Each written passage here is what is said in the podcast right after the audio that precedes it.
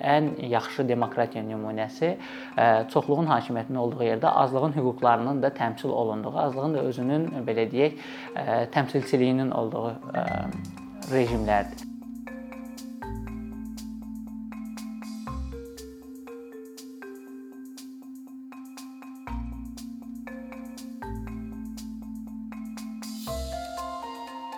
Dünyada hal-hazırda siyasi sahədə, ümumiyyətlə həm siyasi elmdə, həm də praktiki siyasətdə ən çox istifadə olunan anlayışlardan biri demokratiya anlayışıdır.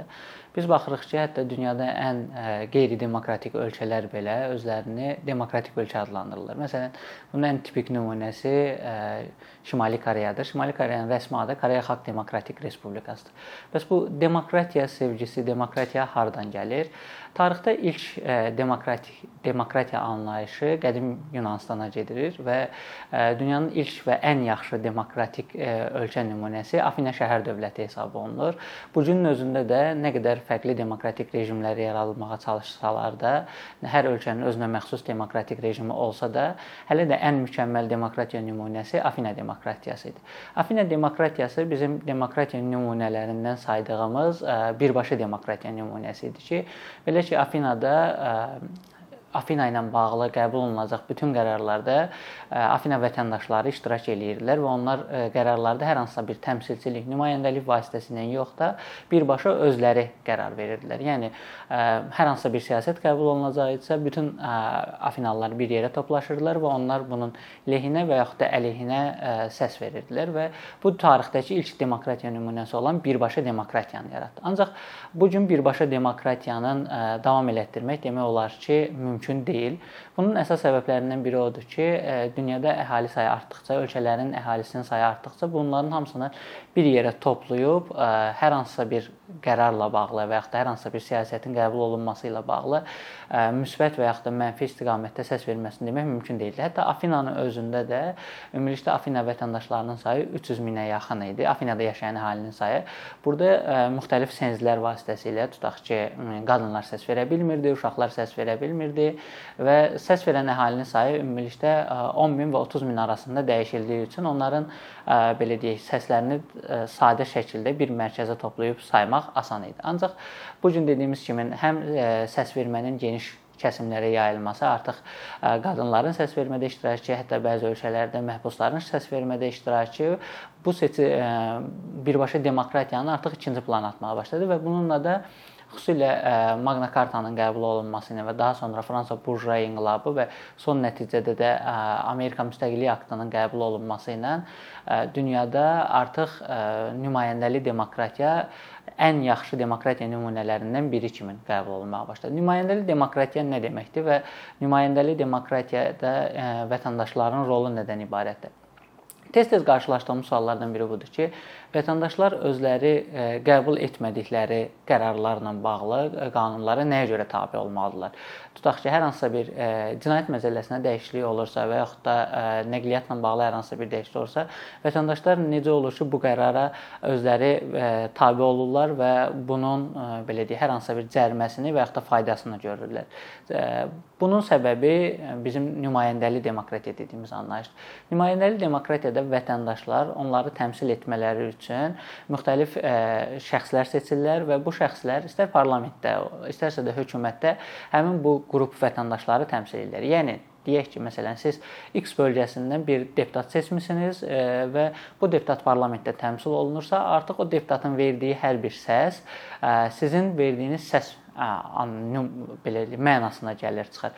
Və nümayəndəli demokratiyanın özünün bir çox problemləri var. Bunun ən böyük problemlərindən biri seçki sistemləri ilə əlaqəli olan problemidir ki, məsələn, nümayəndəli demokratiyada ola bilər ki, majoritar seçki sistemi ilə seçilir ə, e, şəxs və ə, e, şəxs 50%-dən az səs alır, tutaq ki, 40% səs alır, ancaq ən yüksək səsi aldığı o olan o, o aldığı üçün o parlamentdə təmsil olunur və bütün ə, e, qrupun səsini ə, bir ə, azlığı təmsil edən əslində bir şəxs təm, ə, verir. Tutaq ki, deyək ki, bu şəxs X ə, bölgəsindən 40% səs alıb, ancaq 60% əhali bu şəxsi seçməyibdi. Amma bu ə, X şəxs bütün əhalinin yerinə gedib parlamentdə ə, səs verə bilir ki, bu da ə, nümayəndəli demokratiyanın ən əsas ə, problemlərindən biridir. Nümayəndəli demokratiyanın ikinci bir problemi orasındadır ki, ə, burada vətəndaşların seçdiyi namizədlər, belə deyək, təmsilçilər daha sonra müxtəlif öz mənfəətləri və yaxud da fərqli qrupların mənfəətləri üçün çalışa bilər ki, bu da belə deyək, xalqla vətəndaşlar nümayəndələr arasında uçuruma gətirib çıxara bilər. Ümumi mənasında demokratiya isə ən yaxşı tərifini Abraham Lincoln veribdi. Lincolnun sözlərinə görə demokratiya xalqın xalq üçün xalq tərəfindən idarə edilməsidir və bu gün biz görürük ki, müasir demokratiyalarda bununla bağlı müxtəlif fərqli-fərqli problemlər yaranmağa başlayır ki, xüsusən elitaların yaranması, müxtəlif maraq qruplarının yaranması artıq demokratiyaların xalq üçün və xalq tərəfindən idarə etməsinə deyil də elitalar tərəfindən idarə etməsinə gətirib çıxarır. Və artıq demokratiyanın konkret bir tərifinin olmaması və konkret bir belə deyək də göstəricilərinin olmaması bayaq sayda dediyimiz kimi müxtəlif ölkələrin hamısının özlərini demokratik ölkə adlandırmağına gətirib çıxara bilər. Demokratik ölkələrin ən çox öz belə deyək üzərlərində dayandıqları, özlərini demokratik elan elədikləri anlayışlardan biri seçki anlayışıdır. Biz çox tez-tez görürük ki, əgər bir ölkədə seçki varsa, həmin ölkə elan edir ki, biz demokratik ölkəyik, çünki baxın bizdə azad seçkilər var. Ancaq seçki demokratiya göstəricilərindən, indikatorlarından ən sonuncu indikatordur deyə bilərik. Buna qədər vətəndaş hüquq və azadlıqlarının təmin olunması, təmsilçiliyin təmin olunması, vətəndaş iştirakçılığının yüksək səviyyədə olması demokratiyanın göstəricilərindən ən vacibləridir.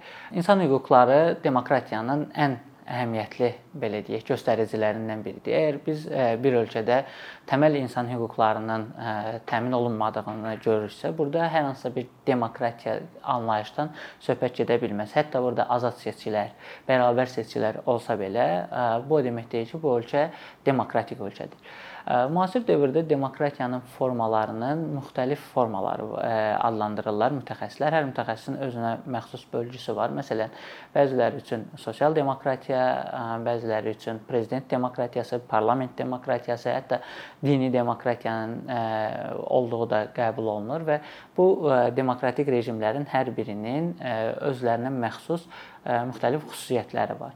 Ancaq bu gün dediyimiz kimi ən təməlində demokratiyanın bölgüsü iki bölgünün üzərindədir. Birbaşa və nümayəndəli demokratiyadır. Demokratiyanı mübahisələndirən ən əsas alimlərdən biri isə Robert Dahldır. Robert Dahl demokratiya və poliarxiya anlayışlarını ayırd etmişdir. Robert Dahlın fikrincə poliarxiya çoxluğun hakimiyyəti deməkdir və çoxluğun hakimiyyəti burada xalqın hakimiyyəti anlayışına gəlmir. Robert Dahlın poliarxiya anlayışında müxtəlif elitaların birləşməsi şəklində ə, idarə etmədir. Yəni ə, bir neçə elita birləşir və onlar ə, çoxluğu yaradırlar və bu çoxluq ümumilikdə ə, idarə etməni həyata keçirir və özlərini ə, çoxluğun hakimiyyəti, yəni demokratik rejim kimi adlandıra bilirlər. Ancaq Robert Dahlın poliarxiyasında biz ə, görürük ki, bu çoxluq azlığın hüquqlarını kənara qoyur və sadəcə həmin elitanın, çoxluğu təşkil edən elitaların maraqlarını ifadə eləyir.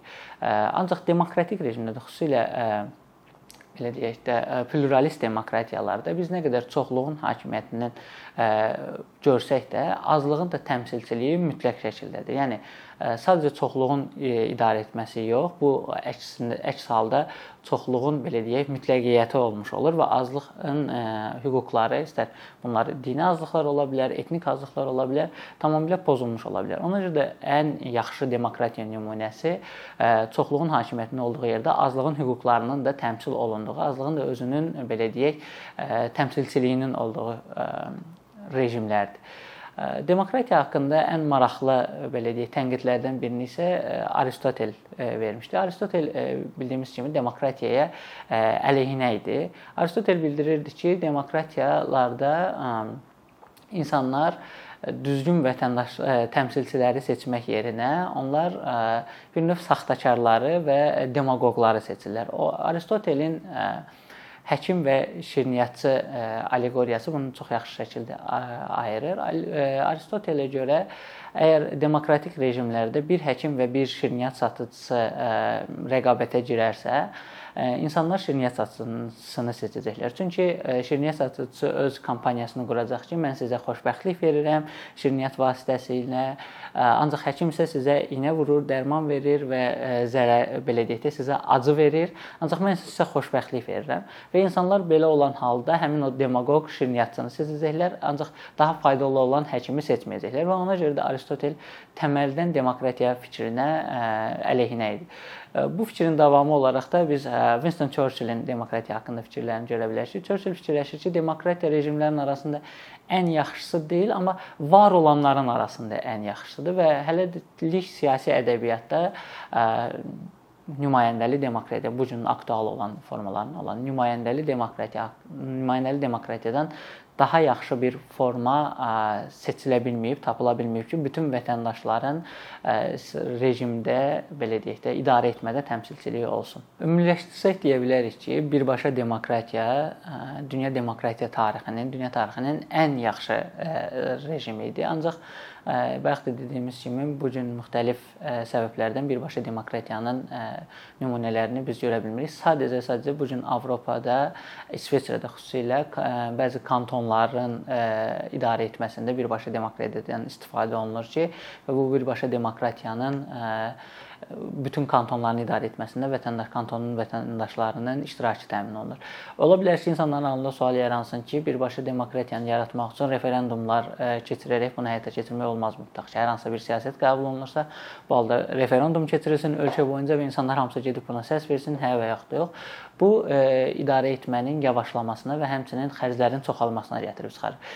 Gəlin belə düşünək ki, e, ölkədə deyək ki, nəqliyyat sistemi ilə bağlı bir qərar qəbul olunacaq və bu qərar ya tez qəbul olunmalıdır Əks təqdirdə biz birbaşa demokratiya nümunəsi olaraq bütün 10 milyon ölkənin Azərbaycan nümunəsinə götürək.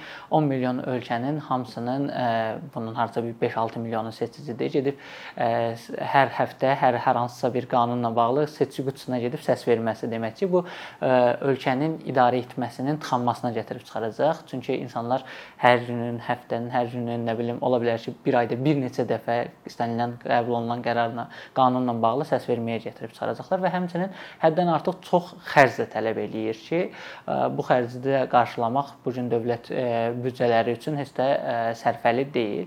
Ona görə alternativ bir demokratiya forması düzdür təm, ə, e, təklif olunur burada. Mən bunu deyə bilərəm ki, ə, e, buna elektron demokratiya deyirlər və ya da e-demokrasiya deyirlər ki, burada da insanlar verilən qərarlara ə, e, elektron vasitələrlə fikirlərini bildirə bilərlər ki, referendumun bir növ elektronlaşmış versiyasıdır ki, bununla bildirsin. Ancaq burada da həm təhlükəsizlik ə, probleminin olması ki, bu qərarlara xaricdən müdaxilələrin ola bilməsi, daxildə müdaxilələrin ola bilməsi, həm də vətəndaşların bütün ölkə üzrə bütün vətəndaş, yəni səs səs vermə hüququ olan bütün vətəndaşların internetə çıxışının olmaması, texnologiyaya çıxışının olmaması da elektron demokratiyanın problemlərindən gətirib. Mən düşünürəm şəxsən elektron demokratiyanın inkişafı yavaş-yavaş o birbaşa demokratiya nümunəsinə gətirib çıxara bilər ki, daha qədimə Yunanların demokratiyasına gedə bilər. Ümumilikdə siyasi elm mütəxəssislərinin belə bir fikri var ki, demokratiyanın inkişaf eləməsi ilə biz gələcəyə doğru yox da əslində keçmişə doğru getməliyik. Yəni demokratiyanın ən yaxşı nümunəsi Afinada olduğu üçün biz ən yaxşı demokratiya nümunəsi üçün gələcəyə getməməliyik, geriyə getməliyik, Afinaya getməliyik ki, və Afina demokratiyasının isə ən əsas xüsusiyyəti vətəndaşların hüquqlarını və s. qorumaq deyildi. Afina demokratiyanın ən əsas xüsusiyyəti gücün bir nəfərin əlində toplanmasının qarşısının alınması idi.